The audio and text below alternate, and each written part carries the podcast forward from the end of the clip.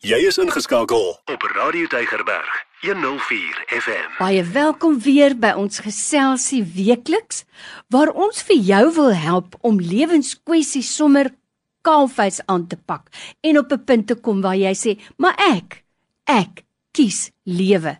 Die gas in die ateljee vandag weer is Dr. François Swart. Hy's 'n pastorale en kliniese terapeut en hy help ons op hierdie reis.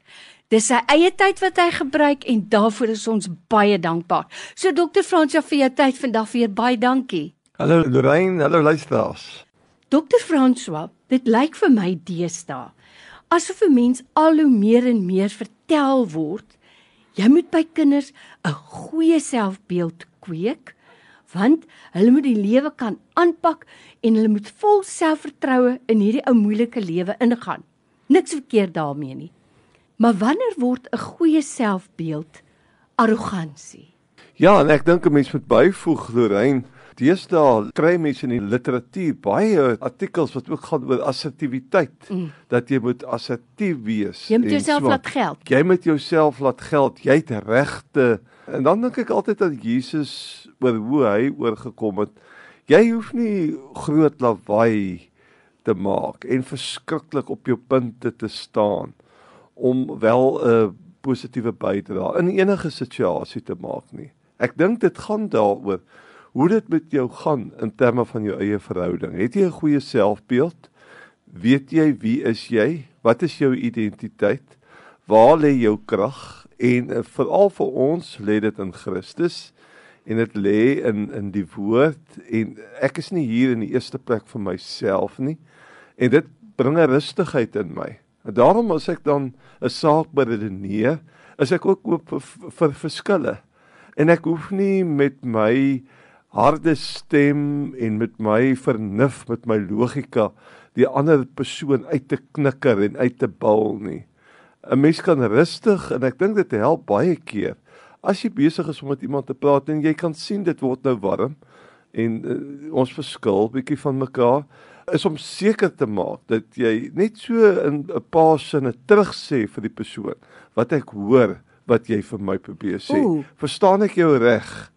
Want dit gaan oor kommunikasie en dan baie keer omdat jy 'n woord gehoor het by die persoon wat nie lekker afgaan by jou nie, dan staan jou hare regop in jou nek en dan wil jy nou assertief wees en jy wil nie geboelie wees nie en ek sal nou vir jou sê hoe dit werk. En ek ek dink dit was die Spreuke skrywer Salomo wat gesê het 'n sagte woord in die ou vertaling, die 1953 vertaling, keer die grimmigheid af. Dis sodra dinge binne 'n gesprek sodanig geraak dat jy kan aanvoel maar hierdie persoon voel dat hy word nou in sy persoon aangevat. Dan dink ek dit is ons rol as gelowiges om altyd by die saak te bly mm. en weg te stuur en seker te maak dat ek ek wil nie nou met jou as persoon praat oor jou karaktereienskappe nie. Ek wil net die saak beredeneer. En is daar ander perspektiewe ook? En voordat jy jou perspektief stel, baie keer vir die persoon te vra, is jy reg vir 'n ander uh, manier om te kyk na die saak. Dit mag wees dat ek hier en daar die klem bietjie anders te laat val is jy. Nou by my in die ateljee vandag het ek vir dokter François Swart. Hy's 'n kliniese en pastorale terapeut En in hierdie program Kies Lewe, pak ons sommer moeilike kwessies aan en ons wil eintlik vir jou help om op 'n punt te kom waar jy kan sê: "Maar ek van nou af, van hier af, kies ek lewe." Nou dokter Fransoa, boelie gedrag, dit raak nie net kinders nie, volwassenes word ook geboelie. En nou kry jy hierdie persoon wat in 'n situasie nie onmiddellik die woorde kan kry nie agterna sal hulle kan sê ek moes dit gesê het of ek moes dat gedoen het. Wat is van die vaardighede wat ons vir iemand kan aanleer? En ek dink dokter Frans het nou geraak daaraan, maar dat daar nie oor my geloop word nie en dat omdat ek stil bly dat mense nie kan dink hulle het my nou oortuig net omdat ek kan terugpraat nie. Kan ons dit aanleer? Ek dink beslis daar's vaardighede en ons praat daarvan as parafrasering veral in narratiewe terapie dat jy net dit wat die persoon nou vir jou gesê het sê jy in jou eie woorde terug en maak net seker het ek jou reg gehoor By ander woorde, dit gee vir jou kans want jou brein is mos wonderlik, Lorraine. Jy kan intussen tyd dan jou eentjies in 'n ry kry oor hoe jy graag daarop wil reageer. As ons net 'n tussenproses inbou in ons kommunikasie met mekaar. Veral as dit te vinnig heen en weer gaan. Jy sê en dan sê ek en dan sê jy weer om net te stop na so 5 minute en, en te sê, weet jy, ek wil net opsom wat ons nou gesê het. Wat ek hoor by jou is dit wat jy vir my sê. Hoor ek jou reg? Ek probeer dit sê, miskien wil jy iets anders te nog sê. Dis ons moenie maak asof dit net ons twee se standpunte is wat hier ter sprake mm. is nie. Daar mag dalk ook ander standpunte wees.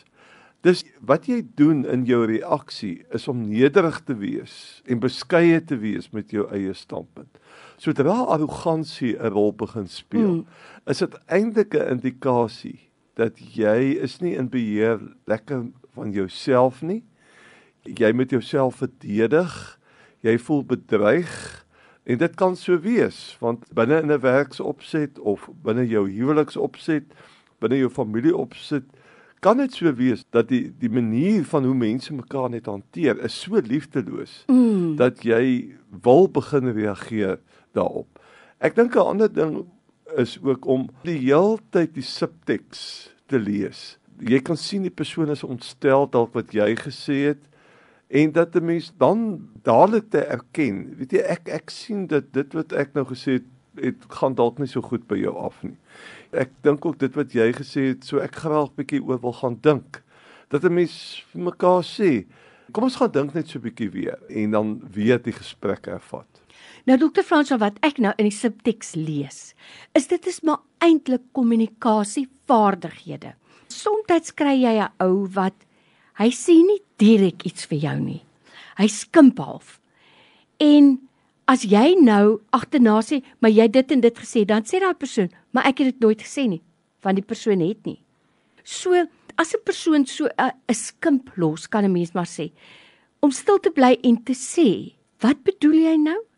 Beskryf dit net 'n bietjie en om vir 'n persoon te sê, "Laat ek gou herhaal wat jy gesê het," dan hoor ons of dit is wat jy bedoel. 'n Mens roep amper daai persoon se bluf. Is ek reg? Ja, mens moet konsentreer nie net op wat die persoon sê nie. Ek dink baie keer aan daai uitspraak. Wat jy sê is nie vir my altyd so belangrik nie, maar hoe jy my laat mm. voel. Mm. Nou daai is 'n ding wat ons as gelowiges ernstig moet opneem. Ek kan nie maar net omdat ek baie saakgedrewe is En soos jy sê Doreen, party van ons is goed met ons woorde. Ander mense is nie so goed met woorde nie. Hulle kan nie so vinnig op die woord kom nie. Agterna sê hulle ek kon nog dit gesê het of nie.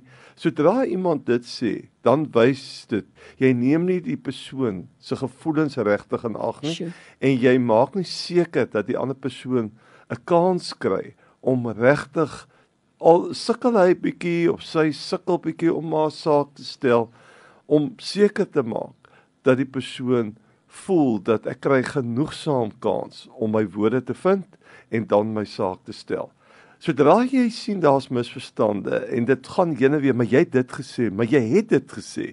Ek herhaal net maar net wat jy gesê het. Sodra dit so begin gaan en, en daar's ongelukkigheid, dan moet 'n mens sê, weet jy, wil jy nie bietjie jou gedagtelyne net op skrif sit nie? Dan gaan ek kyk daarna en ek sal ook skriftelik antwoord. Dis gaan dan in 'n skriftelike weg op Jy wil die argument dat die persoon dit verstaan, maar jy wil ook die persoon terselfdertyd bou. Sjoe, dokter Frans, dit herinner my daaraan 'n mens kan partykeer die veldslag wen, maar die oorlog verloor. Ons moet dieper dink oor kommunikasie wanneer ons nie in daai situasie is nie, sodat ons voorberei is wanneer ons wel daar kom. Dokter Frans, ek weet ons het van tevore al gepraat daaroor en ek sê sommer vir ons luisteraars ook, gaan loer gerus op die webtuiste myhelp.co.za en dan gaan jy sommer van ons programme ook kry. Ai vir jou tyd vandag, Dr. Fransa, dankie, ons waardeer dit. Elke dag jou nommer 1 keuse. Radio Deugerberg 104 FM.